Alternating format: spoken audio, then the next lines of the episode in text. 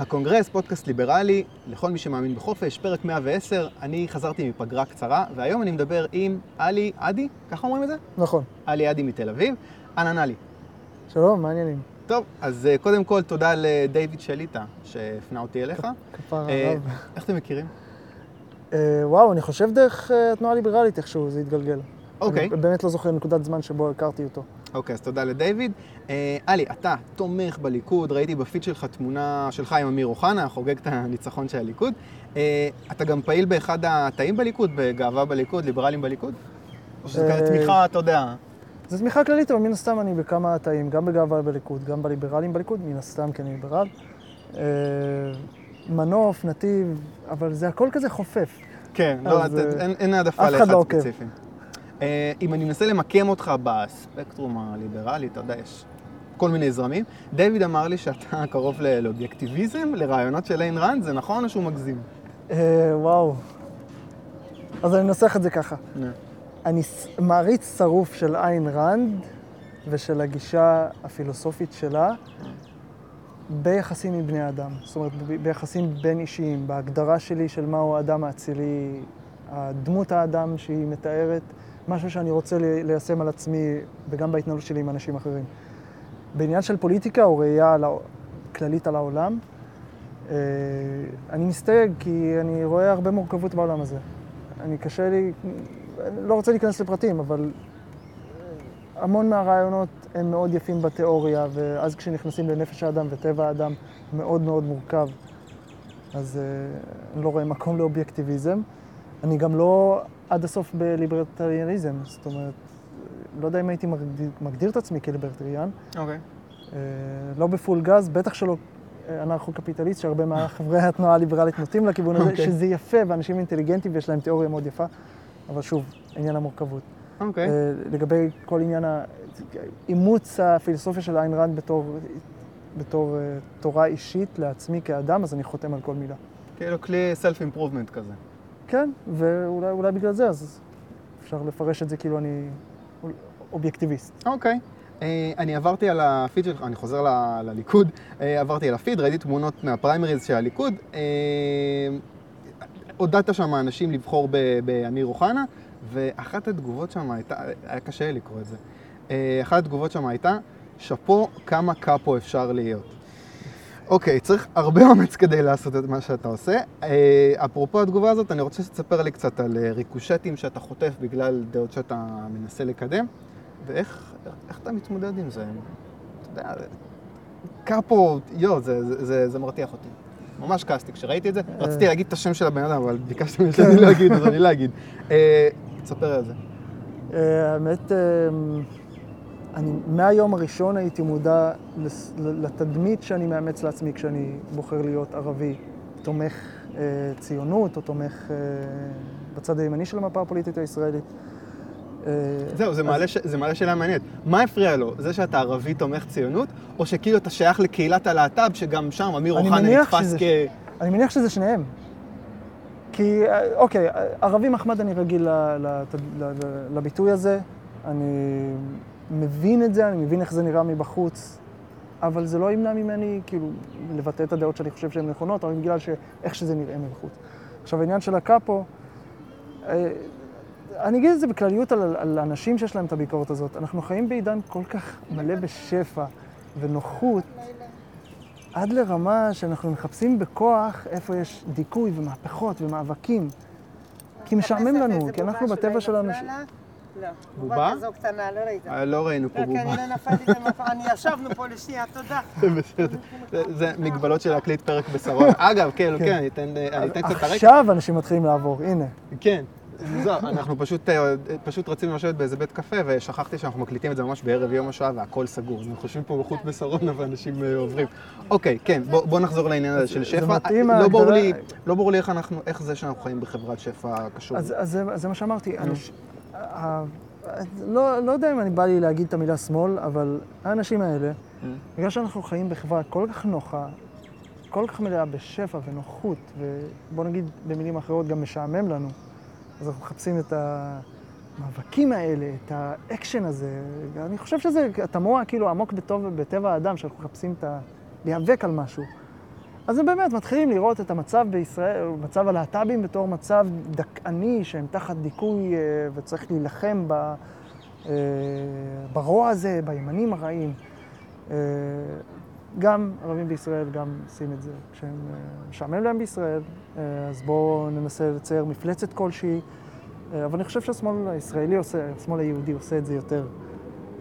כשמתארים את אמיר אוחנה, תיאורים שאני לא רוצה להזכיר, אבל בואו, קצת פרופורציות, כאילו, כולה, כולה פוליטיקה. לא שאני אומר כולה פוליטיקה בתור זלזול, אבל אה, זה המשחק הפוליטי, עם המורכבות שלו, עם הבעיות שלו ועם היתרונות שלו, וזה משהו שהוא נמצא בפרופורציה, זה אף פעם לא מגיע למצב שאתה, שאתה רואה את זה בתור, אה, אה, להזכיר את המילה קאפו, כן. תסמונת שטוקהולם.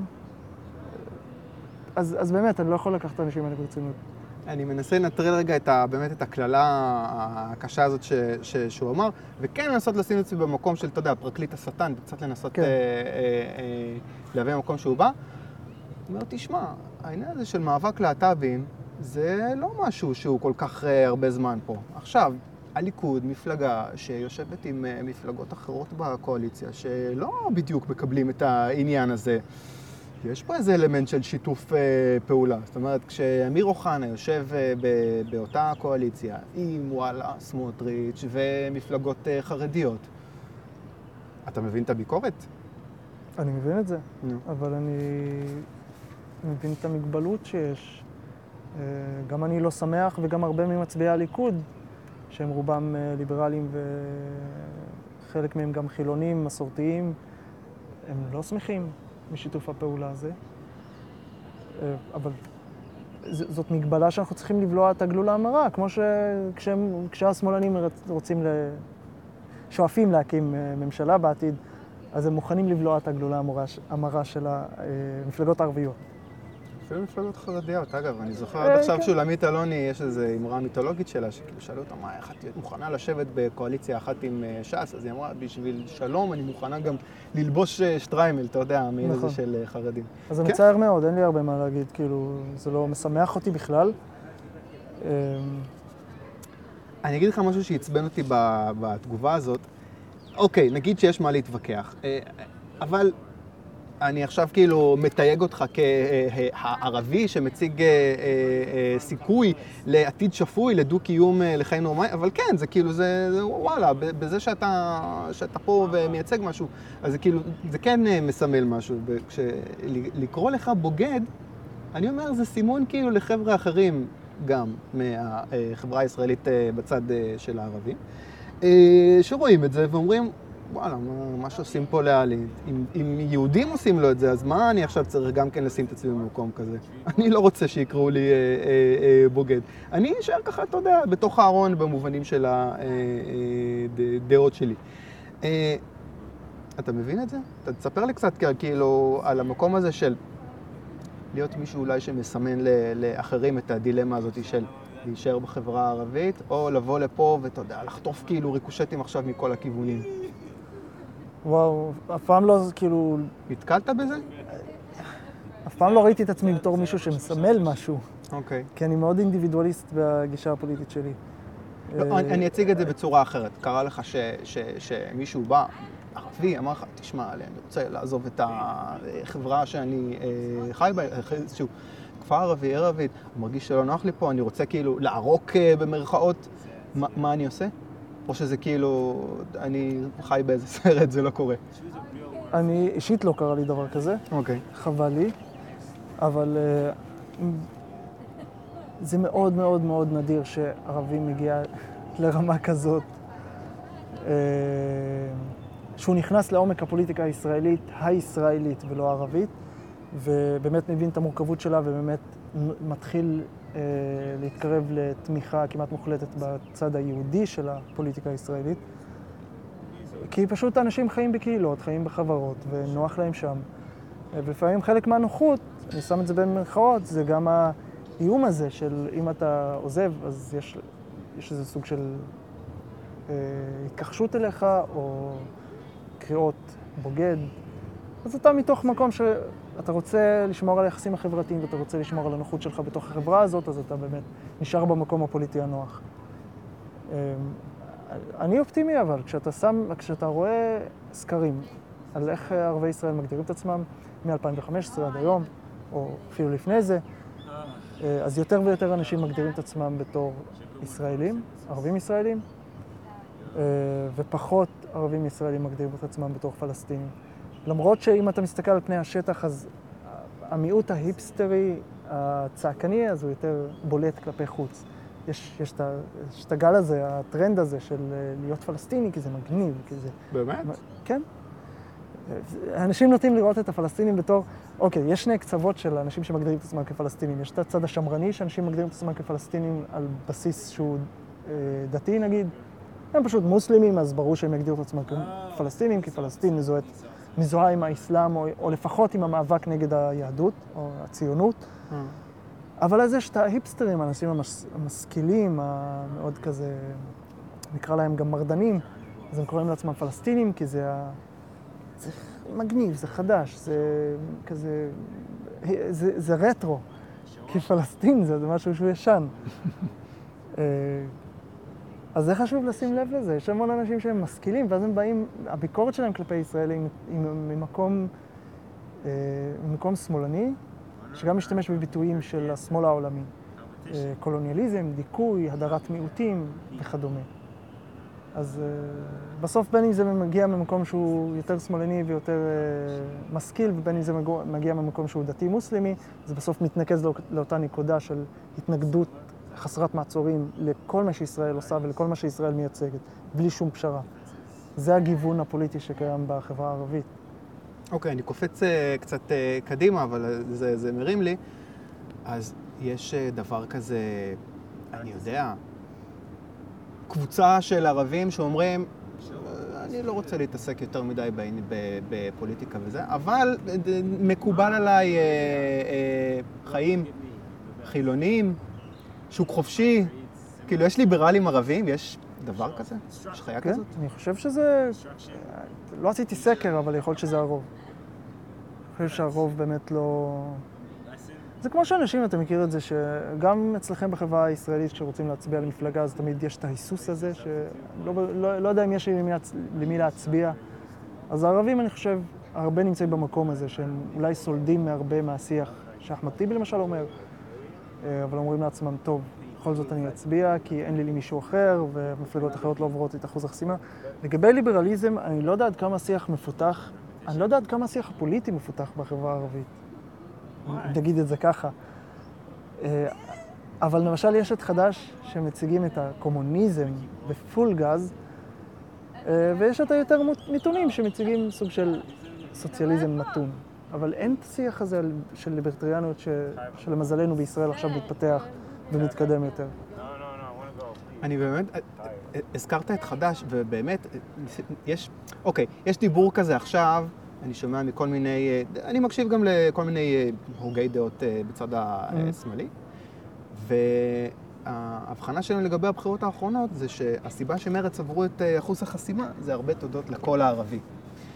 וזה מביא אנשים לחשוב, רגע, למה לעשות את זה כזה בחצי פה? בואו נקים מפלגה שהיא יהודית, ערבית,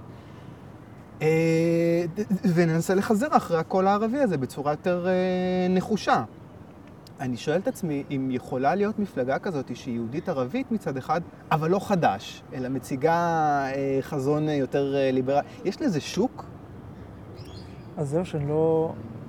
קודם כל, כל מפלגה כרגע בכנסת ישראל היא מפלגה יהודית-ערבית, במובן מסוים. אה, מה זה, מה זה מפלגה יהודית-ערבית? אתה רוצה שיהיה 50-50? זה קצת נראה לי מאולץ מדי. ש, אתה יודע מה? שלפחות חלק מהתעמולה שלהם עושה בערבית. זה הכי טריוויאלי. אוקיי. זה לא קורה הרבה. אני, אני לא יודע עד כמה יש לזה שוק. אגב, יש את המגבלות של, ה, של הפוליטיקה הישראלית, שזה אחוז החסימה ויש ריבוי של מפלגות ערביות. אגב, המון מפלגות ערביות רצו. כן? כן, מפלגות, אה, אחת המפלגות אה, ששמתי לב אליה עברה, קיבלה 50 קולות. אז אנשים מנסים כאילו להביא את הבשורה החדשה. Okay. אוקיי. ואז אנשים בסוף, ערבים, החברה הערבית נצמדת לקיים הידוע והמוכר, ושבטוח שיעבור את אחוז החסימה. Mm. אני כן חושב שיש מקום לעשות מהפכה בהנהגה הערבית. לאו דווקא אה, מפלגה יהודית-ערבית, אלא מפלגה ערבית שמגדירה את עצמה בתור מפלגה של הידברות, מפלגה שרוצה לקחת חלק במשחק הפוליטי בישראל. אה, אז, אז יש לי, אני לא מצליח לחשוב על אנשים שיכולים להיות מנהיגים של המפלגה הזאת.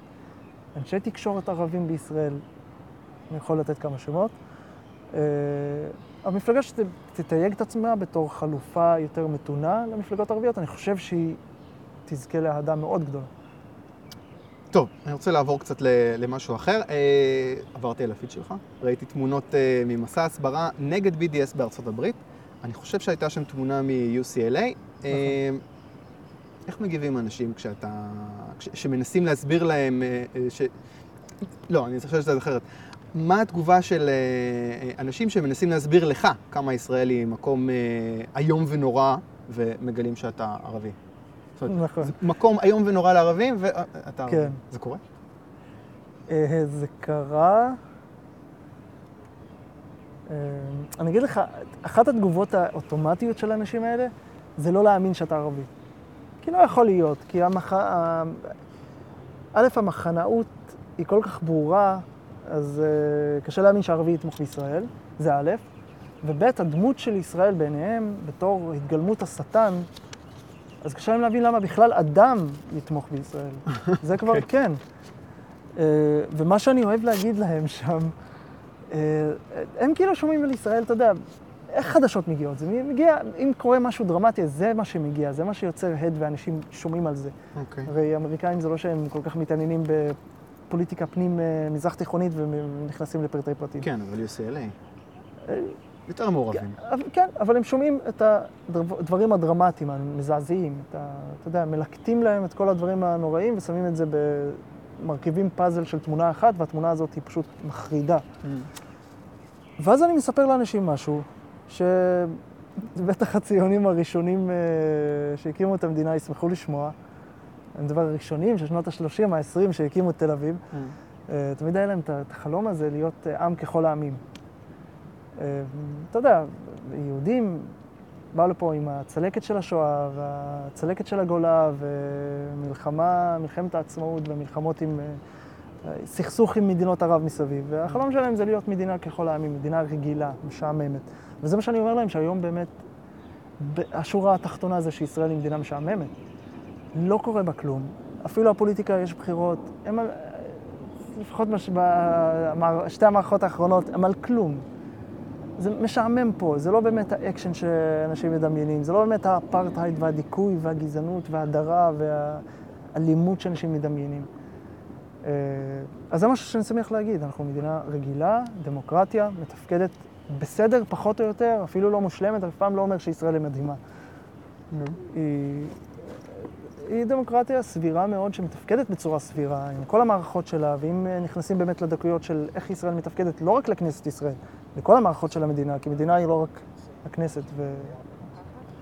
אז אה, תכלס היא מדינה סבירה, פלוס אתה יודע, אתה אומר את זה ואני כאילו, אתה יודע, אני כל כך חי בתוך חדשות וכאלה, שלא רק בארצות הברית, גם פה בארץ אתה שומע חדשות ואתה חושב שאנחנו פה חיים, אני באמת שוכח לפעמים סך הכל החיים, טפו טפו טפו, בסדר. משעמם. שאני בקטע טוב. היו מלחמות, היו זה, אבל לא, לא בזמן האחרון. לא בזמן מזל. אוקיי, אני רוצה לשאול אותך עכשיו, אה, לכל אחד יש את הסיפור, איך הוא הפך להיות אה, ליברלי. איך הגעת אה, למקום הזה שאתה פעיל במידה כזו או אחרת, אה, למען צמצום של התערבות של המדינה בחיים שלנו?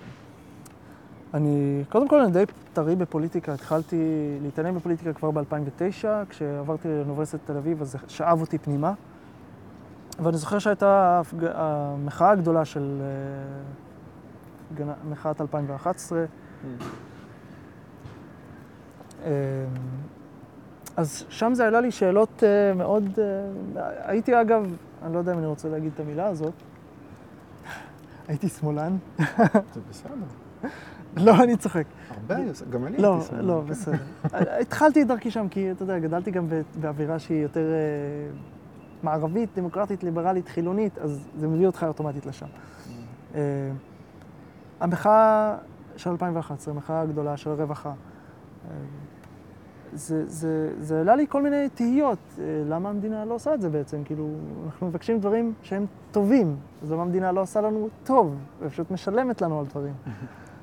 זו הייתה תהייה שלא ממש מצאתי לה פתרון, ויום אחד הייתי אצל חבר בבית, וראיתי אצלו שלט בחדר שכתוב בו, אני קפיטליסט וגם לי יקר. אז אמרתי לו, רגע, לא הבנתי את הבדיחה, כאילו, זה בצחוק, איך אתה... והוא אומר, לא, אני באמת קפיטליסט. אמרתי לו, איך... כי אז, בזמנו, קפיטליסט בעיניי זה היה התגלמות הרוע, זה האדם השמן, העש- העשיר, המנצל, הרשע. אז למה שמישהו יגיד על עצמו קפיטליסט? מה זה קפיטליזם? ואז כשהוא התחיל להסביר לי, אז חלקי הפאזל התחילו להסתדר לי באופן כל כך ברור. והתחלתי לקרוא יותר ולהתעניין יותר בפייסבוק, וככה גם הגעתי לאיין ראנד, eventually. אז אה, זה פשוט הרגיש לי טבעי, כי זה היה כל כך הגיוני. וגם למדתי, עשיתי תואר בכלכלה. וזה סוג של, אני לא אגיד חיזק לי את התמיכה בקפיטליזם, אבל יותר שם לי דברים ב... במסגרת יותר ברורה.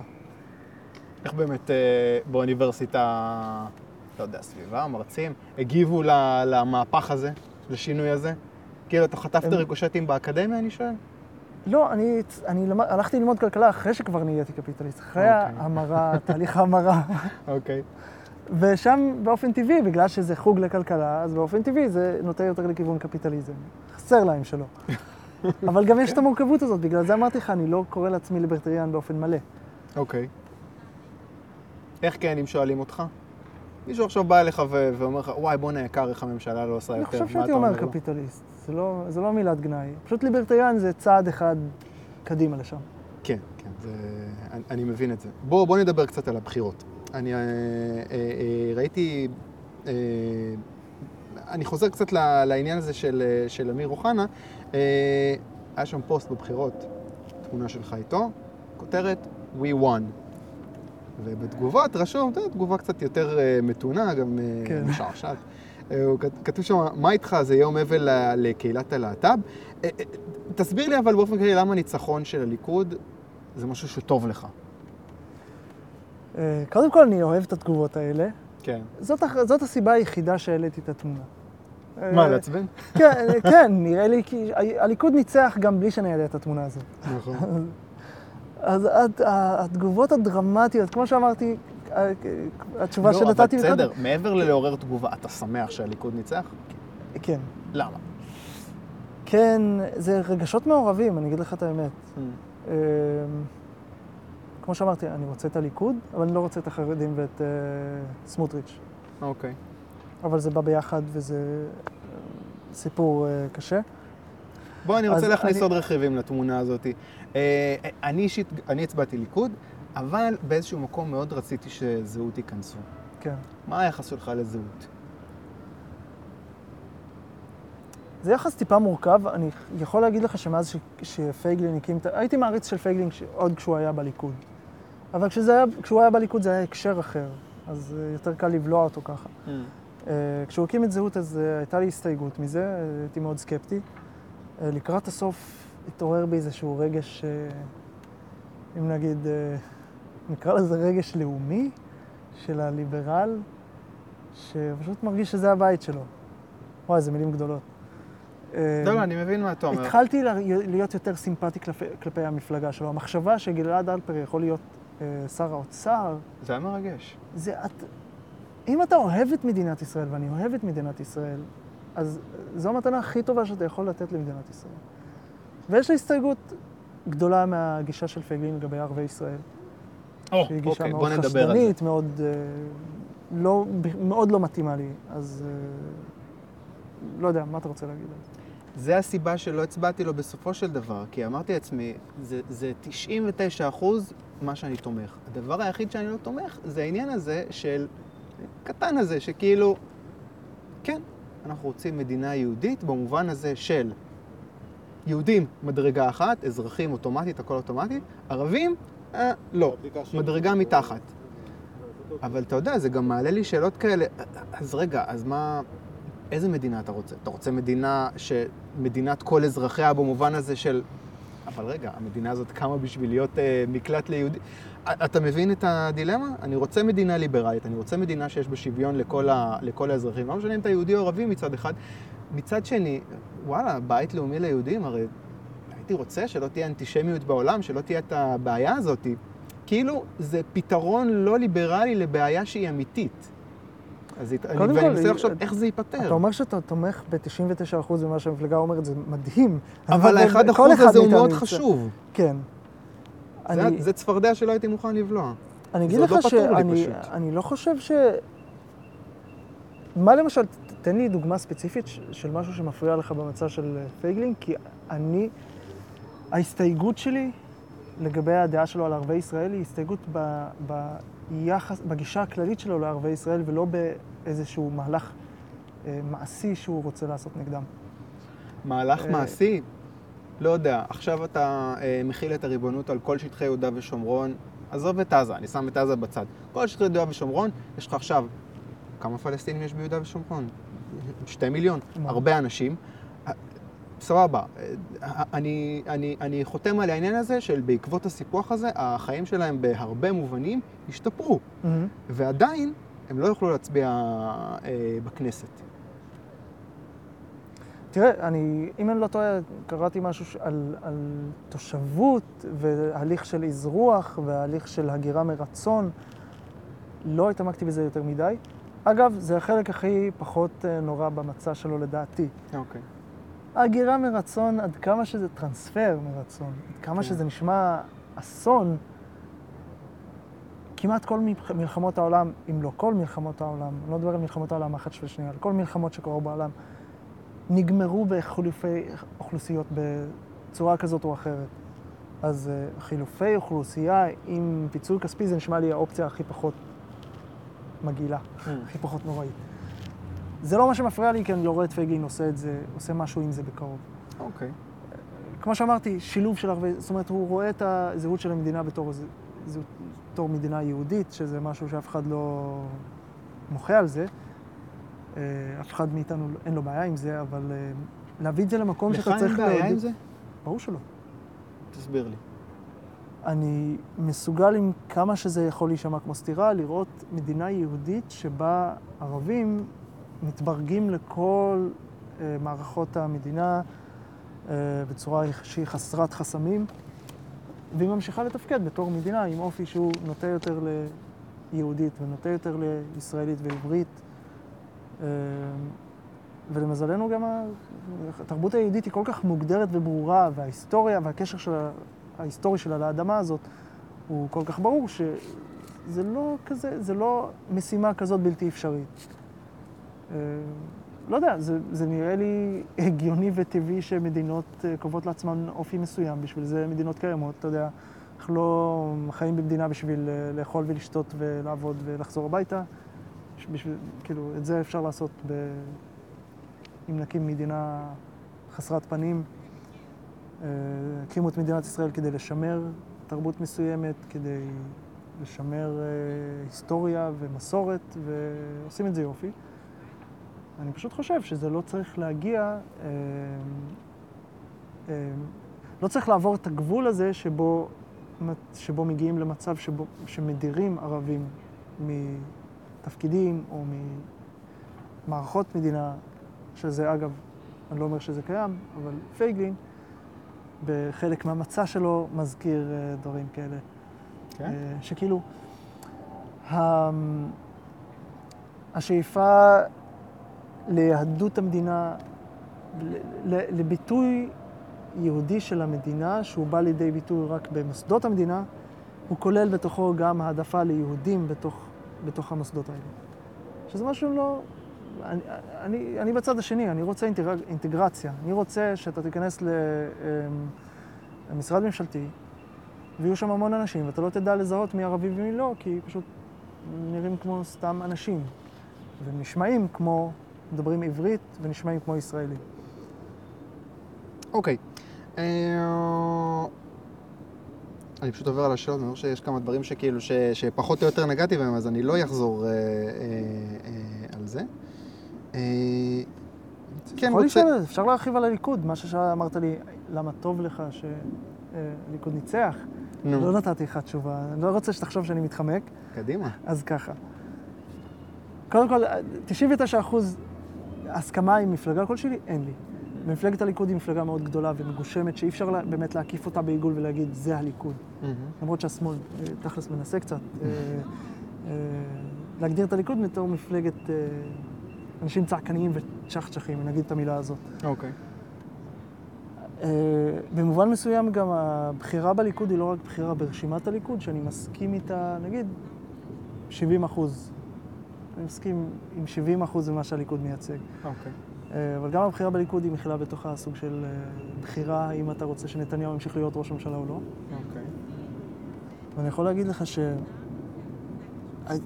עכשיו החברים שלי מהליכוד ישמעו את זה ולא יאהבו את מה שאני הולך להגיד, אבל נתניהו מאוס עליי. הבן אדם, יש לנו ציפיות גבוהות ממנו, אה. והוא עייף מדי. אה, והוא יותר מדי זמן בשלטון. נמאס, רוצים לראות משהו חדש. ומצד שני, הצד השני של המתרס זה אה, ההבנה הרציונלית הזאת שאין בן אדם, ברמה של נתניהו, אין, אין מה להגיד. אתה יכול לאהוב אותו, אתה יכול לא לאהוב אותו. אמרתי לך, אגב, שאני עובד על... אה, בעבודה שלי אני נחשף לתוכן ארכיוני משנות ה-70, משנות ה-80, אז אני יוצא לשמוע את אה, גולדה מאיר, משה דיין, מנחם בגין, מדברים באנגלית, נואמים. כל כך הרבה כריזמה יש באנשים האלה, ואינטליגנציה מתפרצת מהאופן שבו הם מדברים, והאנגלית שלהם גם. ואז מכה בך ההבנה הזאת, שיכול להיות שנתניהו באמת ראש, יהיה ראש הממשלה האחרון, שהוא, יש לו את המאפיינים האלה של האנגלית טובה, כריזמה טובה, כן, אינטליגנציה, חריפות.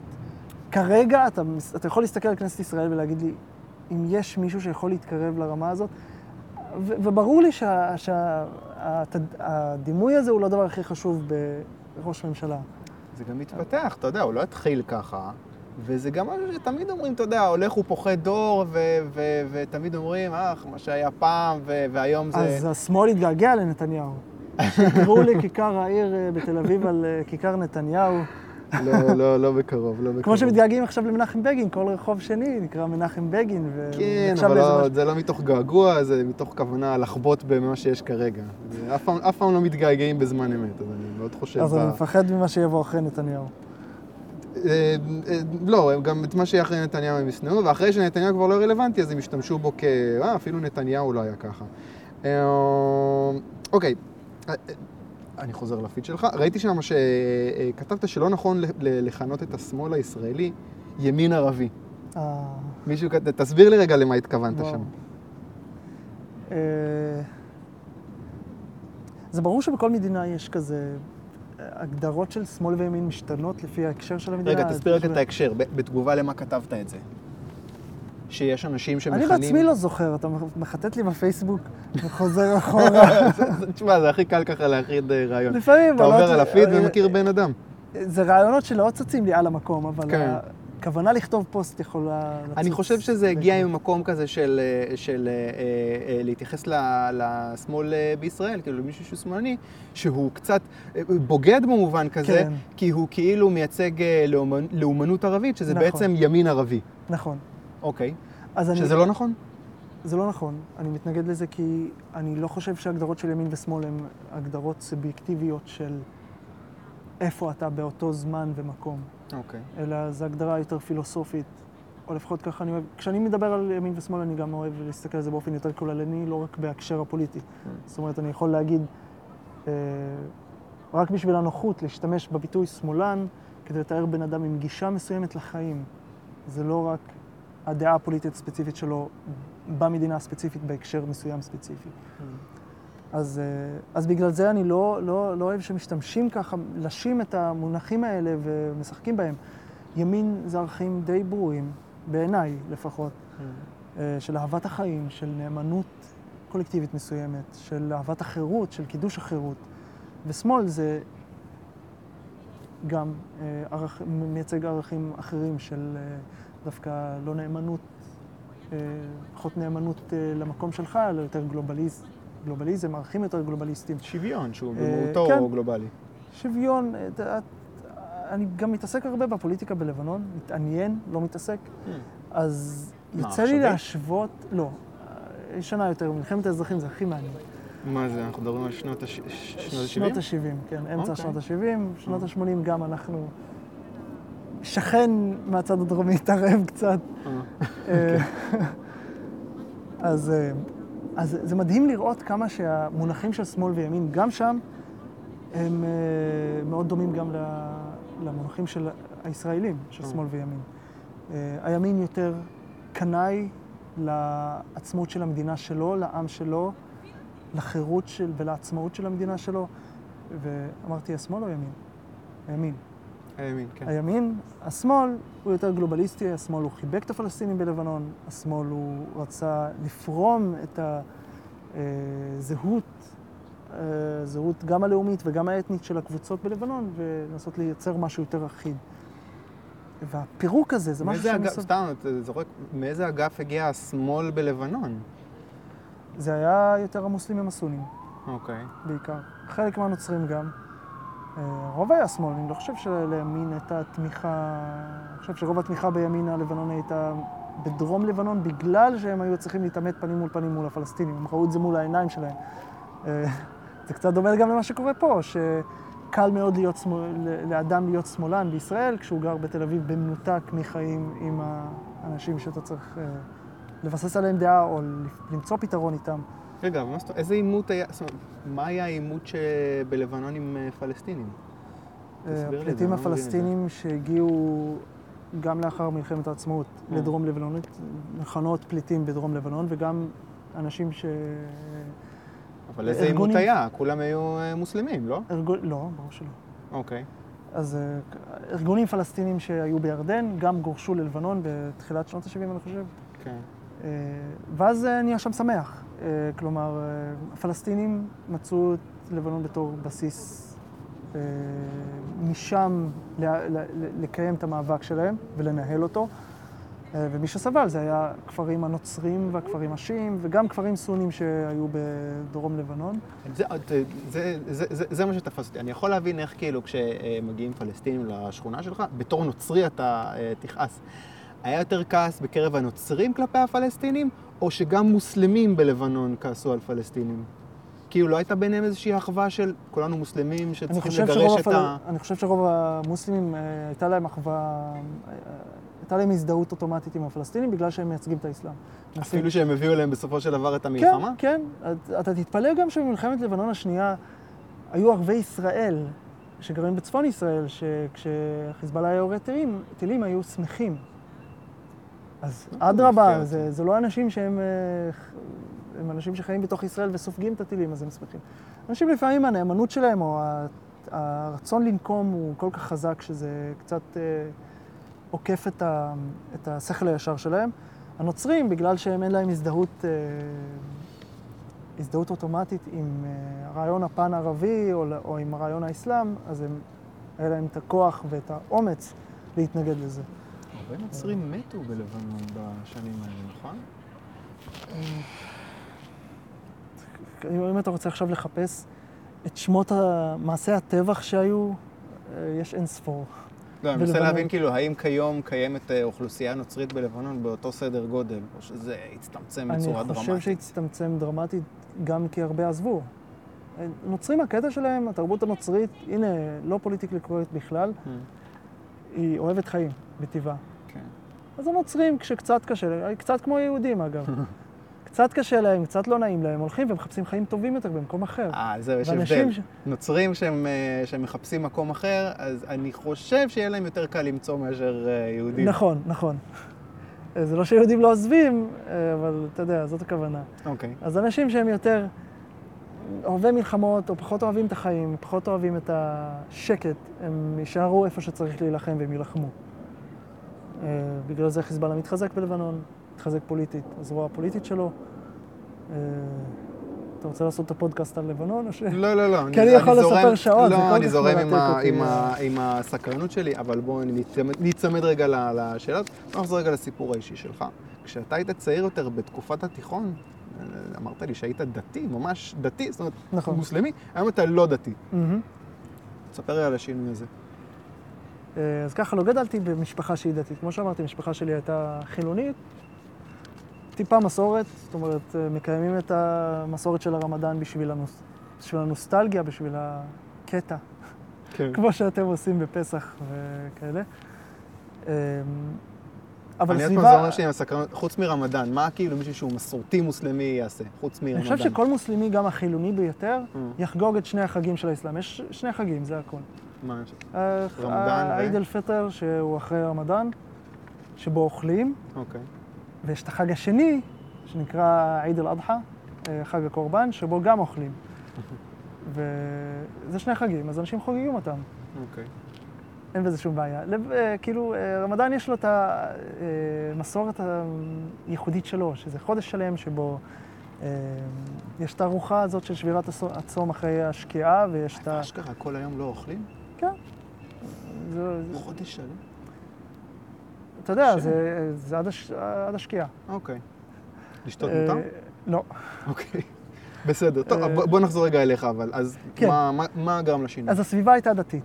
אוקיי. והיה לנו ברור אה, שיש אלוהים. זאת אומרת, זה לא איזה משהו שמדברים עליו, ברור שיש אלוהים. ברור שהאסלאם היא הדת הנכונה, זה לא איזה משהו שהוא נתון לוויכוח. Mm.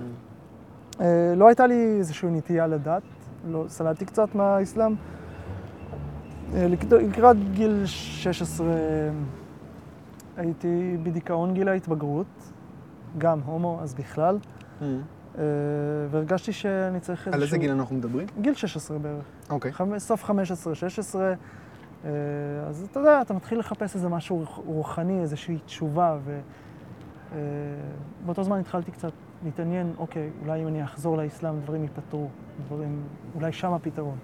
וכשנכנסתי לזה, אז נכנסתי לזה בהילוך שישי. אני לא יודע אם זה ביטוי נכון, כי אין לי, אין לי רישיון. כן.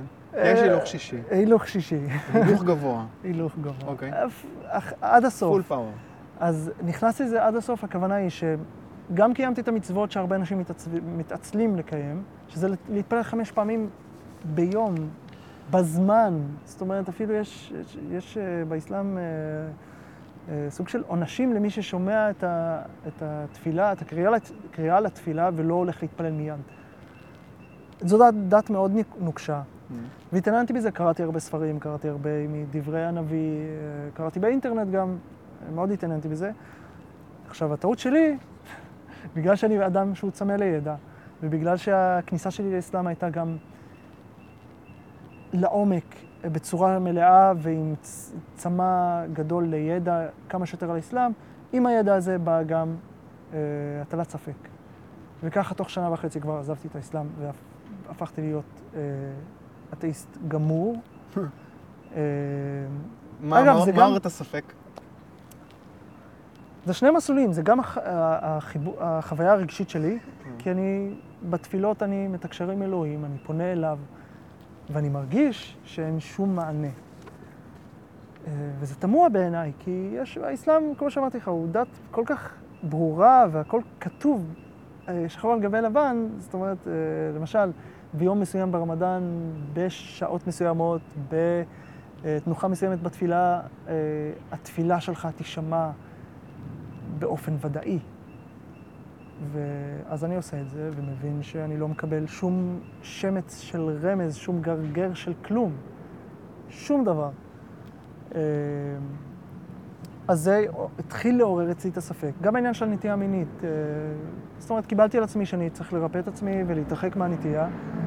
אה, ואז קראתי איפשהו שבאסלאם זה חטא אפילו לחשוב על זה. זאת אומרת, לקחתם ממני את, ה, החלום הזה של להתאהב או לממש את הפנטזיות המיניות שלי, אבל גם לחשוב על זה זה אסור. ואיפה אלוהים? למה, למה הוא המית עליי את זה ולא, ולא, ולא, ולא, ולא עוזר לי גם כשאני מבקש עזרה? אה, דבר שני שעורר אצלי את הספק, אני זוכר, קראתי איזושהי כתבה, רציתי לקרוא משהו על הנשים באסלאם, כי בתור הומו שמחובר יותר ל... אה, די מחובר לצד הנשי שבו, אז זה מאוד עניין אותי. מה היחס של? כי זו דת מאוד גברית, האסלאם. כמו כל דת אחרת כנראה. אה, קרא, התחלתי לקרוא, מצאתי מאמר, התחלתי לקרוא, מסתבר באמצע הקריאה שזה משהו שהוא נגד האסלאם, זאת אומרת ביקורת על האסלאם. אוקיי. טקסט בערבית, מצאתי דבר כזה. אה, וזה עורר בי את המחשבות אה, בצורה מאוד מעט האמונה שכבר היה מעורער בלב שלי, התפרק באותו רגע והלכתי להתפלל. אני זוכר, זה היה אצל סבתא שלי, בבית של סבא וסבתא שלי, התפללתי בחדר חשוך, ובסגידה אמרתי, ביקשתי מאלוהים, או שתחזיר לי את האמונה, או שתיקח אותי עכשיו. זה היה פשוט כזה ירייה אחרונה של ייאוש.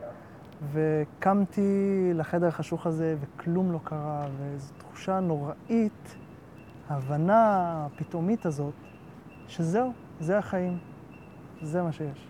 תחיה עם זה. אין אלוהים. וזה, וזה לקח לי המון המון שנים להתרפא מהטראומה הזאת, כי כשאתה גדל כל החיים שלך במחשבה שיש חיים, חיים אחרי המוות, שהחיים האלה הם לא סופיים, הם לא, הם לא ה-one shot שלך, ואז אתה מבין פתאום באמצע החיים שזה מה שיש. זה הגוף שלך, זה הנפש שלך, אלה החיים שלך, אלה הנסיבות שלך, תחיה עם זה, תפיק מזה את המקסימום, וסיימנו. ויום אחד אתה תמות וסיימנו. אז זה הסיפור עם האסלאם. אגב, איך המשפחה שלך מקבלת את כל השינויים האלה? אז זהו, שאבא שלי גם אתאיסט. אוקיי. אה, ואני זוכר שאבא שלי היה מתנגד לזה שנכנסתי לאסלאם כשהייתי אז יותר דתי. Mm. ואני ידעתי שהוא ישמח מאוד לראות שעזבתי את האסלאם, ובגלל זה, כשהיה רמדאן אז, אה, העמדתי פנים שאני צם כדי לא לתת לו את העונג הזה, שיראה אותי שאני עזב. גדול. הייתי אוכל בשירותים, כאילו. זה מגוחך. אוקיי. אבל הם בסדר, הם מקבלים את זה. אמא שלי עדיין דתייה, אבל אתה יודע, דתייה מסורתית, היא לא... היא שומרת, היא מאמינה, אבל היא לא... לא הייתי מגדיר אותה כדתייה. אני אקח את זה עוד מדרגה להקשות עליך. איך הם מגיבים כשהם רואים שאתה מצביע ליכוד? אה, וואו. בפומבי, בגאווה. אז אה, שוב, אני מפריד בין... אבל אימא שלי. אבא שלי יותר מעורה בפוליטיקה. אני זוכר כשהיינו קטנים הוא היה לוקח אותנו להפגנות של שלום עכשיו, אז okay. אוקיי. היו לנו גם דגלים של ישראל בבית, בארגז של הצעצועים. Mm-hmm. אז הדגל הזה, סוג של נכנסתי לי לחיים גם כשהייתי קטן. Mm-hmm. אבא שלי מבין את המורכבות, הוא מסתייג מהצד הימני של הפוליטיקה, כי אתה יודע, עדיין רואים את זה, עדיין רואים את הדיכוטומיה הפשוטה הזאת, שמי נגד ערבים ומי בעד ערבים. אז השמאל נתפס בתור בעד ערבים, כי הוא בעד שלום, בעד אה, הסדר עם הפלסטינים, והימין הוא יותר ניצי מול הערבים. אמ, אז הם מקבלים את זה עם ביקורת. אני, אני, כן, אני כן רוצה לחזור לנקודה הזאת של, של אה, מה הימין אה, אה, מציע. לקהילה ערבית, לתרבות ערבית שרוצה לחיות במדינת ישראל. אני מנסה לחשוב כמה חשוב העניין הזה של, אתה יודע, אוקיי, יש את העניין הזה של אה, לערבים בישראל יותר נוח לחיות. אני בטוח ש, שבאיזשהו כן. מקום גם מכירים בזה. השאלה כמה חשיבות יש לעניין הזה של להרגיש שזאת המדינה שלך מבחינת נכון, נכון. זהות מסוימת. נכון. מבח... לא יודע איך לקרוא, גאווה לאומית, לא יודע, משהו כזה. ו- וכאילו, אתה יודע, אני מחשיב את עצמי אינדיבידואל ו- וליברל והכל וזה, אבל עדיין כאילו, אני יכול להבין איך לא תרגיש כאילו בבית במדינת ישראל. כן. אתה מבין מה אני אומר? אני מאוד מבין. יש דרך סקי... להפוך את, ה, את מדינת ישראל ל, למדינה ש, ש, שערבים ירגישו בבית, באמת? אז יופי, אז קודם אני אגיד לך, ה, אני מאוד שמח שהעלית את זה, no. העניין הזה שבאמת חלק מהחלקים אה, ב, ב, אה, מהצד הגזעני בחברה הישראלית באמת מסתכל על הערבים ואומר, טוב לכם פה, צאו, תעבדו, תחזרו הביתה בשלום, ומה אתם רוצים יותר כן, מזה? תגידו תודה. תגידו, תגידו תודה, אבל גם הציפייה הזאת שכל מה שערבי רוצה זה וואלאק. כן? לעבוד, לעבוד ולחיות ולכלכל את הילדים שלו וזהו. כן, זה לא, קיים. זה לא נכון. אוקיי. גז... חלק מהחברה הישראלית באמת מצפה שהערבים ירגישו את זה, שכאילו, מה אתם צריכים את הגאווה הלאומית או ההזדהות או את הביטוי התרבותי? תחיו, תעבדו, תחזרו הביתה, הכל טוב. אוקיי. אני מבין את זה לגמרי, אני מבין את זה למה כל אדם, כל שבט, כל כפר, כל, כל קבוצה כלשהי רוצה איזושהי ביטוי לערכים הקולקטיביים שלה ורוצה להרגיש גאווה בזה. Mm. אז אני מבין את זה, ואני מבין את זה גם כשהייתי ערבי יותר נוטה, נוטה לשמאל. באמת חיכיתי בכיליון עיניים ל- לרגע הזה שבו יעלה הנשיא של מדינת ישראל וינאם את נאום ה... בוא נגיד, הנאום ההיסטורי שיגיד לערב, לערבי ישראל, אנחנו מתנצלים על מה שקרה, על היחסים המעורערים, כי אי אפשר ל- ל- להכחיש שהיחסים בין אה, המדינה לערבי ישראל היו קצת מעורערים. כן. לפחות ברמת ההצהרה, אתם חלק מאיתנו, בואו תהיו חלק מאיתנו, בואו תרגישו שייכים. היום, איך אני רואה את זה? אתם רוצים ביטוי לאומי, ביטוי תרבותי כלשהו? צר לי, לא בישראל. כאילו, ת- זהו, אין מה לעשות. כאילו, אמ, לא לכל שבט, לא לכל קבוצה יש ביטוי לאומי במדינה משלה. לפעמים אה, בשביל לחיות במדינה מסוימת, מדינות אה, היום אה, יש להן טריטוריה מאוד אה, עצומה שמכילה בתוכה המון קבוצות אתניות, והקבוצות האלה מבטאות את המסורת התרבותית שלהם בתוך עצמם, וזה מספק אותם. אה, ומצליחים למצוא איזושהי קרקע משותפת עם שאר ערכי, ערכי המדינה כמדינה. אז אני חושב שזה אפשרי, כמו שאני, אם אני מסוגל היום, אחרי שהייתי כבר הערבי ההוא שחיכה לנאום ההיסטורי, אם אני מסוגל היום להגיד, אתה יודע מה, אני גאה בישראל גם בלי שאף אחד יבוא ויעשה לי את הטובה הזאת. אני לא צריך, ש... אני לא צריך שיהודי יבוא ויגיד לי, היי, אני מקבל אותך, אני חושב שאתה חלק ממני. אני חלק ממך, אני חלק מהמדינה הזאת. לא רוצה להגיד על אפך ועל חוותך, אבל בז, בזכות, בזכות אני חלק מהמדינה הזאת. אני אה, הייתי רוצה שהחברה הערבית בעתיד גם תיטמע יותר בחברה הישראלית וגם תיתן יד בבנייה של המדינה, ואז הגאווה, תחושת הגאווה גם תתעצם, כי הם ירגישו שיש להם חלק. אה,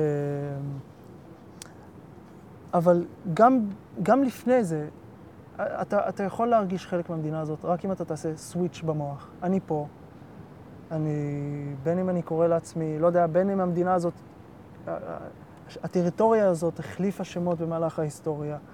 אה, אני חלק מסיפור אה, די מרגש של חזרת העם היהודי לארצו.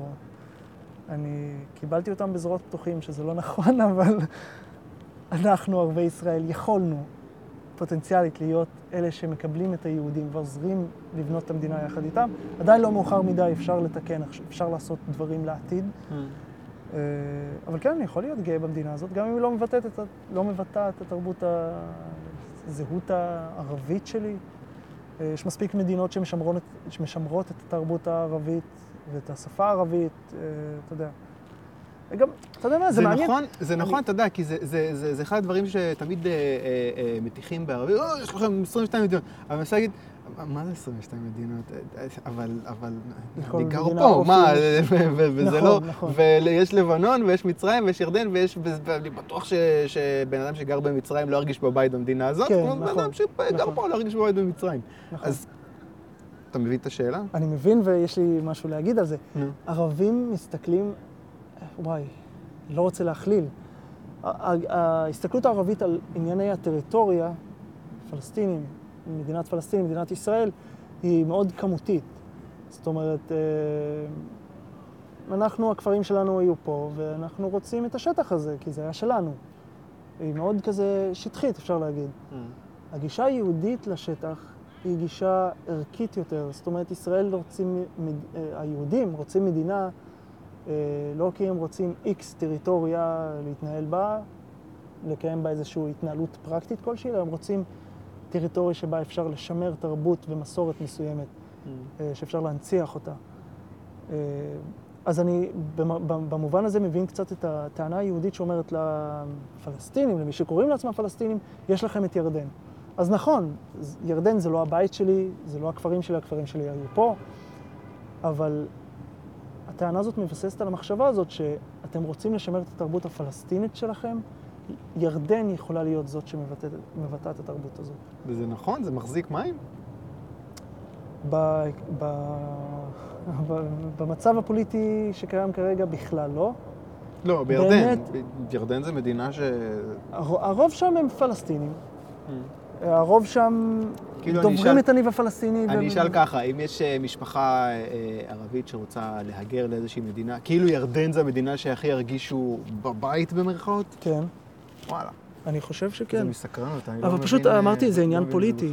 בגלל שעכשיו יש משפחת המלוכה, יש את העניין הפוליטי המורכב הזה, שהמערכת שהם לא פלסטינים. בכלל. כן, והמערכת הפוליטית שם לא תשמח להכניס פתאום את הפלסטינים ולהפוך Mm. את המדינה הזאת למדינת פלסטין. אבל שוב, מה שאמרתי, ההבדל הקטן הזה בין Mm. להסתכל על הטריטוריה בתור משהו כמותי, זה הכפר שלי, אני רוצה את האדמות שלי, או האם אני מסתכל, האם יש לי מקום לשמר בו את התרבות שלי, את הקשר הרוח- הרוחני שלי, את המסורת שלי. וזה משהו שהוא, אוקיי, אני יכול להזדהות עם זה, עם, ה, עם הרצון ה- של היהודים בזה, כי היהודים לפחות יש להם גם מסורת כל כך ברורה, ששמרו עליה באופן, ב, במשך אלפיים שנה, אה, ועכשיו הם באים לבטא את התרבות הזאת ולהחיות את השפה העברית, וזה זה מרגש, אפשר להגיד כן, שלא. אבל בוא, אני, אני, אני מנסה להיות פה פרקליט השטן, כן? אני אשמח. ל- ל- למוסלמים אין את העניין הזה של כאילו, לא, זה לא רק הכפרים שלנו, גם חשוב לנו, אה, ירושלים, אה, מסגד אל-אקצא, כל ה... זה לא עניין רוחני? תראה, אפשר... כאילו האקצא לא... אם אתה רוצה לשאול אותי אישית, אני חושב שירושלים והאקצא בידיים טובות תחת אה, שליטה ישראלית. אוקיי. המוסלמים יכולים, אתה יודע מה, יש משהו מצחיק. אה, אה, ערביי ישראל למשל, שמגדירים את עצמם כפלסטינים ואומרים, ירושלים היא שלנו, האקצא הוא שלנו. ברור שהוא שלך, כי אתה ישראלי והאקצא וירושלים בידי ישראל, זה משלך. אז כאילו, אתה מבין, זה עניין של, של איך אתה מסתכל על זה. כאילו, לא הייתי דואג לשלומו של אל-אקצא או של האתרים ההיסטוריים המוסלמים כשהם תחת אה, שליטה ישראלית. אה, אני חושב שגם התירוץ הזה של אנחנו רוצים את האקצא בידינו, והפכו אותו גם לסמל ההתנגדות הפלסטינית, זה סוג של תירוץ כדי לסחוף גם מוסלמים משאר העולם הערבי לסוגיה הפלסטינית, שהיא סוגיה די ספציפית, ו... אני מבין מה אתה אומר. אה, אני רוצה לגעת עוד אה, שנייה אחת בעניין הזה של כאילו אה, אה, אה, מקום של אה, אה, מוסלמים במדינה הזאת. אני מנסה תמיד לפנטז, לחשוב איך, איך אולי כדאי להפוך את ישראל למדינה יותר כמו ארצות הברית, שאני נהנה שם מכל העולמות. זאת אומרת, כולם מרגישים בבית, כי למדינה עצמה אין, איזשהו, אה, אין איזושהי אוריינטציה דתית, ולא צריך לדאוג כאילו בקשר ל, למיעוט מסוים אם הוא יסבול שם. ואז גם יהודים, גם ערבים, כולם יכולים לחיות פה, ו- ו- ו- ו- ואין אין, אין מריבה על שליטה, כי אין איזושהי שליטה של אה, קבוצה אתנית אחת. זה לא מודל שכאילו שישראל לדעתך יכולה לשאוף אליו? קודם כל, חושב שבארצות הברית זה עובד? אה, בין, אני חושב שיש שתי מדינות, או שלוש מדינות בעולם כולו, שמוגדרות כמדינת כל אזרחיה. זה ארצות הברית, קנדה ואוסטרליה. היחידות בעולם. תסתכל עכשיו על ארצות הברית, ותיאורטית, לפי מה שאתה מספר, אז אנשים מיעוטים וקבוצות אתניות שונות יכולות, צריכות להרגיש בבית והזדהות מלאה עם, ה, עם המדינה שלהם. בפועל, מה שקורה זה שאם נסתכל על השחורים בארצות הברית, אה, אה, רגע, רגע, רגע, רגע, רגע. יכול להיות שגם שם אה, זה, זה הכל... אה, יכול להיות שגם שם זה עניין כזה של אה, מה שאנחנו רואים מבחוץ וחדשות וזה, אולי גם שם החיים משעממים, הרבה יותר ממה שאנחנו חושבים. כן, אה, אתה יודע מה, אני יכול להסכים איתך, אוקיי. אבל אתה, כשאתה מסתכל על uh, עניינים של זהות, אז השחורים והלבנים מאוד דבקים בקבוצה שלהם. למרות שהמדינה היא כללי, uh, מאוד uh, רחבה ומחבקת את כולם. כשנבחר נשיא שחור, אז יש את הגאווה הזאת של נשיא שחור, משלנו, שחורים חושבים ככה. אז, אז זה אף פעם לא נפתר, כי זה פשוט בטבע האדם, לדעתי.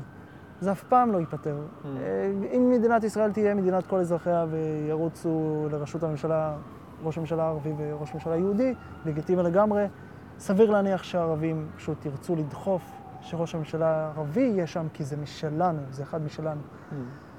אז א', אני סקפטי לגבי פלורליזם, על, על, לגבי כמה זה יכול לעבוד, אה, במיוחד כשמנסים לדחוף את זה בכוח. אה, וב', זה מרגיש לי לא הוגן, שדווקא במדינה היהודית היחידה בעולם, דווקא פה אתה רוצה לעשות מדינת כל אזרחיה. דווקא פה. בוא. כאילו, אני, אני לא חושב שהמדינה צריכה להפלות. זה הדבר הכי חשוב, שלא תהיה אפליה. היא צריכה להיות דמוקרטיה בקו ישר כמה שיותר, ויש לנו גם דרך לשם, להתקדם. אמ, אבל, אתה יודע מה, תביא לי מדינה אחרת. אפילו לבנון לא מצליחה להיות מדינת כל אזרחיה שם, ומנסים בכוח, המצב שם קטסטרופלי.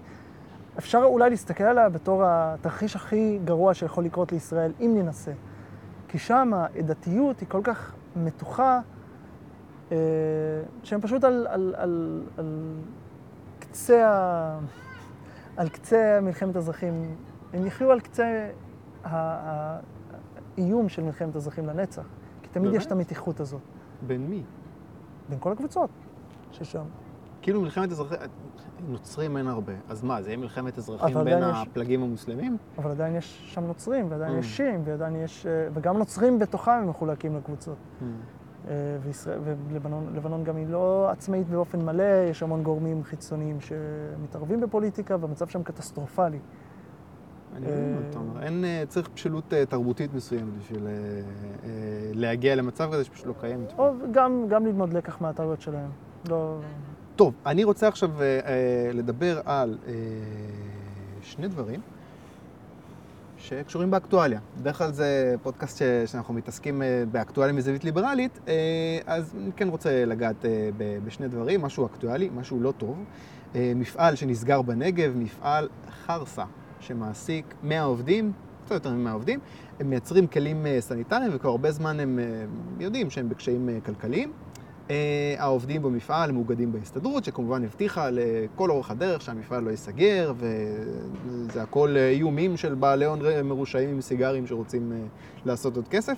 אה, עידן דה ארץ כותב אה, יפה על הפרשה הזאת ועל איך העיוות שדווקא התוכנית מחיר למשתכן של משה כחלון יצרה פגיעה במפעל הזה. מה שקרה זה, זה המחיר הנמוך שהתוכנית, שתוכנית מחיר למשתכן מכתיבה לקבלנים הם צריכים לקצץ עלויות כדי לעמוד ברף Mhm. מסוים של אה, מחיר אה, דירה. אחד הדברים שקורים, הם פשוט קונים כלים סניטריים יותר זולים ב- בטורקיה, אה, ואז מפעל חרסה מאבד אה, חלק משמעותי אה, מהעבודה שלו, אה, ומפעל, אה, בגלל שהוא מאוגד אה, בהסתדרות, אז הוא בעצם כבול והוא לא יכול אה, להתגמש ולהשתנות ולהתייעל, ההסתדרות לא, לא, לא תיתן לזה לקרות. אה, ציטוט מאוד אה, מדהים של אה, מאיר בביוף, יושב ראש מרחב הנגב של ההסתדרות, לאחר אה, חתימת הסכם, הסכם קיבוצי במפעל אה, לפני כמה שנים, של העובדים מול ההנהלה, לפני חמש שנים. נחתם ההסכם והיה דיבור על הקשיים שהמפעל עומד בהם. כבר אז היה אזהרה שהמפעל אולי ייסגר, והוא אומר, הספין הזה לא יעבוד במקרה של העובדים, האיום להעביר את המפעל לטורקיה היה חסר סיכוי, הבעלים רוכב על הגל של סגירת מגבות ערד, זה, זה קרה אז. אה, מצא חן בעיניו הרעיון שמדברים על סגירת מפעל בנגב, אה, והוא אומר לעצמו, אני גם אכנס לתוך החגיגה הזו, ואולי אקבל, ואולי גם אקבל קצת אה, הטבות. עד כאן הציטוט. עכשיו, כשהמפעל נסגר, אותו בביוף הורה לעובדים שלא לקבל את המכתבי פיטורים כשהם ימסרו להם באמצעות שליח. זה, זה דבר מדהים בעיניי. כאילו, אם השליח מחכה בחוץ עם המכתב מחוץ לדלת ואף אחד לא יפתח לו, אז, אז כן, זה, זה, זה מה שימנע מהמפעל להיסגר. אה, אתה יודע, אם בעל מפעל מחליט לסגור את המפעל, אז אני חושב כאילו שארגון עובדים במפעל, ההסתדרות במקרה הזה, צריכים לשאול את עצמם איפה אנחנו טעינו. האם היה משהו שאנחנו, העובדים, יכולנו לעשות כדי שהמפעל הזה יישאר פתוח? אבל אנחנו כל כך לא שם, אני מסתכל כאילו על העניין הזה של, של ארגוני עובדים. אה, כאילו לקראת הבחירות האחרונות היה נראה שיש איזשהו גל כזה של אה, ליברטריאניזם, במובן החיובי, עם פייגלין ובנט ושקד שנראו חזקים. הבחירות עברו, אף אחד מהם לא עבר את אחוז החסימה. יו"ר ההסתדרות לשעבר הוא חזק במפלגת אה, כחול לבן, ההסתדרות חזקה מתמיד, אנחנו נכנסים ככה לפוליטיקה הארדקור. אה, מה אתה אומר, העניין הזה של ההסתדרות זה, והכוח הגובר שלה, כמו שאני רואה את זה, זה משהו שמדאיג אותך? זה משהו שאתה חושב שאפשר, צריך לשנות?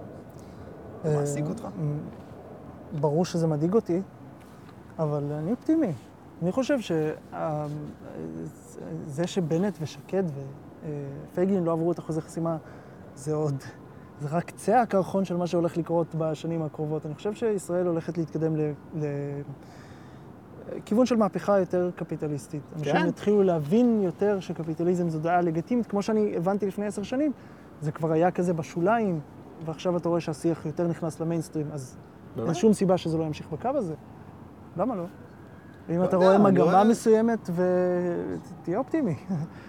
המגמה בסדר, אבל זה עדיין מדובר ב... אוקיי, אה, פייגלין עם כל ה... הוא קיבל הרבה מאוד אה, אה, קולות, אבל כשמסתכלים על האחוזים של הקולות, מאיפה זה מגיע? זה בסך הכל קולות של הבית היהודי למיניהם, שפשוט עברו מהם אליו. זאת אומרת, אני לא יודע אם... אולי ב... אני כל הזמן מנסה לחשוב אם אנחנו נמצאים פה, הליברלים, אם אנחנו נמצאים באיזשהו אקו צ'יימבר, שאנחנו רואים, אה, היו כמה עשרות, עכשיו יש כמה מאות, ואנחנו מדמיינים שאנחנו פה באמצע איזשהו אה, גל אה, ליברטריאני, ואני לא מבטל את החשיבות של כאילו, של היווצרות שיח, אבל אני שואל את עצמי, רגע, זה באמת מחזיק מים? בסופו של דבר, אנשים לא יצביעו למפלגות האלה. מה אתה אומר? אני חושב שזה טעות להסתכל על זה בתור מפלגות ליברטריאניות, לחפש את המפלגה הליברטריאנית, כי יש סקאלה, וקפיטליזם הוא איפשהו על הסקאלה, גם שהוא לא עד הסוף לכיוון הליברטריאניזם הטהור, והליכוד היא מפלגה שברובה מייצגת את הגישה הקפיטליסטית יותר. ושם אתה רואה התקדמות בעניין אני, הזה? אני חושב, כרגע אני לא אופטימי יותר מדי עכשיו בכנסת הנוכחית, אבל Mm. בעתיד הליכוד מבטא יותר דעות קפיטליסטיות. הימין בכלל, לא רק הליכוד, מתחיל יותר לבטא בפחות בושה דעות שהן אנטי-סוציאליזם. אה, ואני חושב שיהיה בסדר, כאילו, אני לא חושב שלהסתדרות יש תמיכה בעם. אני חושב שרוב העם הימני סולד מההסתדרות. אה, מספיק שתסתכל בפייסבוק ותראה את התגובות של אנשים לשביתות של ההסתדרות. אנשים לא עיוורים, אנשים לא טיפשים. אה, זה שכל מיני אקדמאים מורמים מהעם, או שלי יחימוביץ' יכולים להגיד, אה, לפמפם לנו כל מיני רעיונות של אחדות וסולידריות עם העובדים המפוטרים.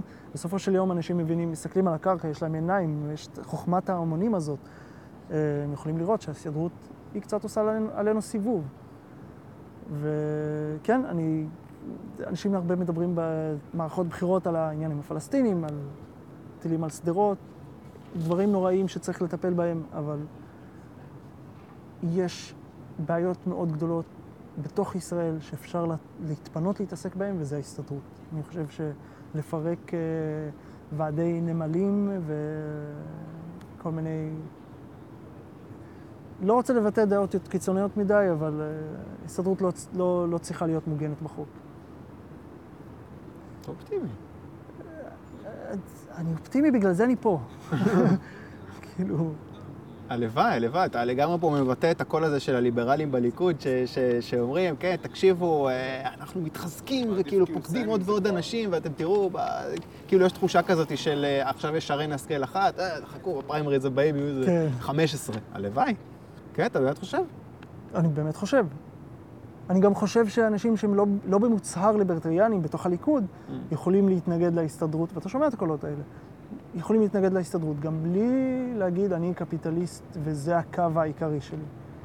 כי זה פשוט, אה, זה, זה איך אומרים? אה, common sense. שאנשים אוקיי. רואים ותומכים בו. ו- והשיח הזה, בכל זאת, יש אה, שיח, נקרא לזה שיח ליברלי, ליברטריאני שמתפתח. יש לו איזושהי חשיבות, כי אתה מדבר על ה-common sense, אנשים רואים שההסתדרות דופקת אותם. מה עם העניין הזה של השיח? אנחנו אה, אה, אה, כן נראה פה פוליטיקאים ש- שהם מדברים מעבר להסתדרות, כן, שאומרים, אנחנו רוצים את זה." אה, שוק חופשי, מדינה שהפרט חשוב. כן, כן, אתה רואה את זה קורה? אבל אנחנו רואים את זה כבר עכשיו. Mm. תשווה לפני עשר. שנים, תשווה לפני עשר שנים ותשווה להיום.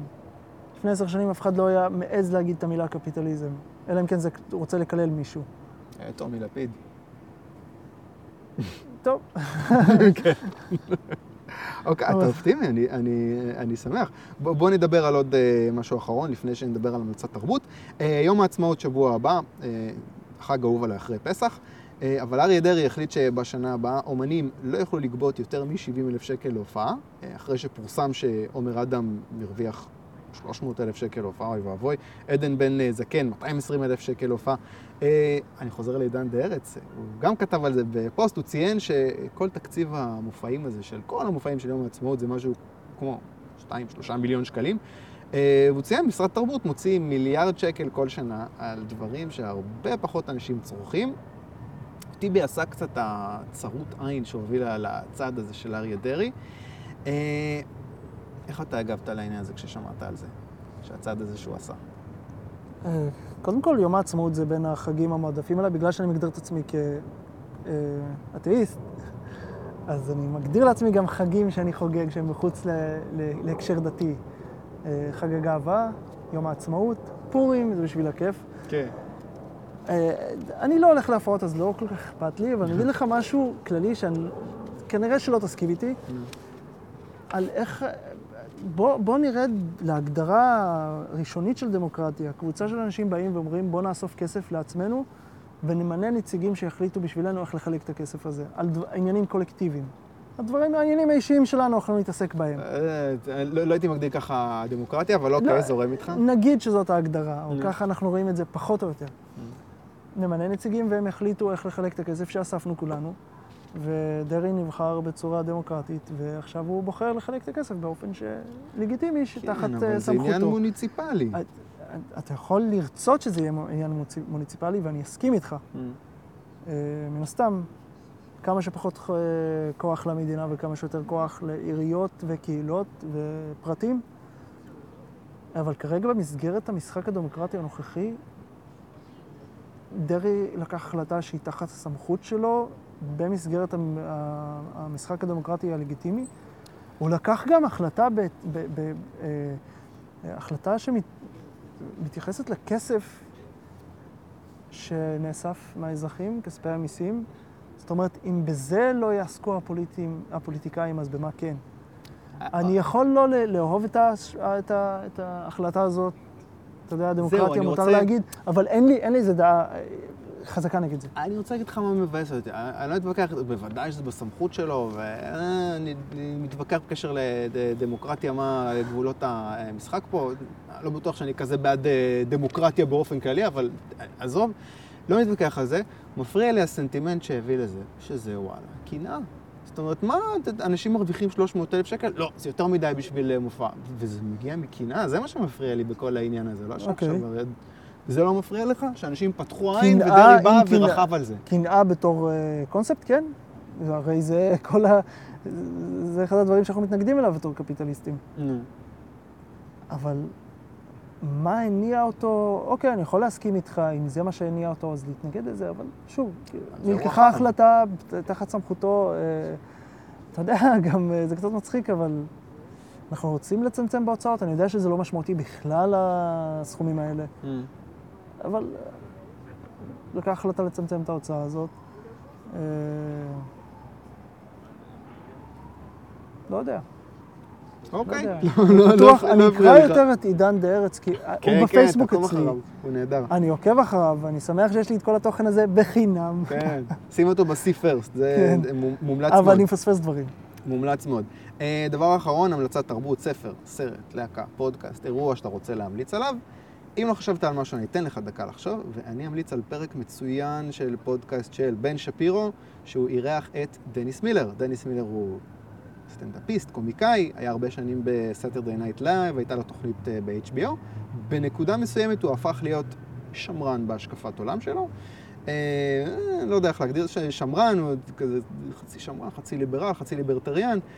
עבר מהמחנה הליברלי הפרוגרסיבי, אה, והוא עשה את המעבר הזה בלי לאבד את החוש הומור שלו, וזה משמעותי, כי אין הרבה אומנים בסדר גודל שלו, במיוחד מצחיקים במחנה השמרני. אה, התרבות האמריקאית מעניינת אותי, אז זה היה פרק ככה שנכנס לה מאחורי הקלעים של, של הוליווד, של תעשייה, זה, זה עניין אותי. אה, דניס מילר מספק את ההצצה לתהליך שהוא עבר, למחיר שהוא אה, משלם. אה, מומלץ, אני אשים קישור אה, לפרק הזה. עלי מה ההמלצה שלך? קודם כל תקראו את הספרים של איין ראנד, בשביל איזה? הנפש. הראשון. איזה? אה, אני קראתי את ה... אני חושב שהאטלס שרג, כן. איך בעברית? מרד הנפילים. מרד הנפילים. אה, אז הוא מספיק טוב. אוקיי. אני חושב שהוא יותר טוב מהמעיין המתגבר. אה, אה, ולהקה שאני, הרבה פעמים כשאני מזכיר אותה לאנשים, אומרים אף פעם לא שמעתי עליה. אה, וזה, בעיניי זה אחד הדברים הכי טובים שקרו ליוטיוב, נו, ואנשים פשוט לא שומעים על זה. זה נקרא Postmodern Jukebox, אוקיי. שהוא לוקח שירי פופ, שמן הסתם שירי פופ הם שירים שאנחנו אוהבים. זה קוסם לאנשים וזה מולחן טוב, ויש גם את הנופח הנוסטלגי הזה. ועושה אוקיי. לזה עיבודים, אה, עיבודים אה, ישנים של ג'אז או של סווינג או של ואז אתה מקבל באמת את, את, כל הטוב מכל העולמות. כי אני אישית לא אוהב את המוזיקה חזקה, קצבית, אז אני נהנה משירים כאלה. אוקיי, Postmodern Jukebox, אני אשים לזה קישור. עלי עדי, תודה רבה, תודה לך. אחלה שיחה. יאה.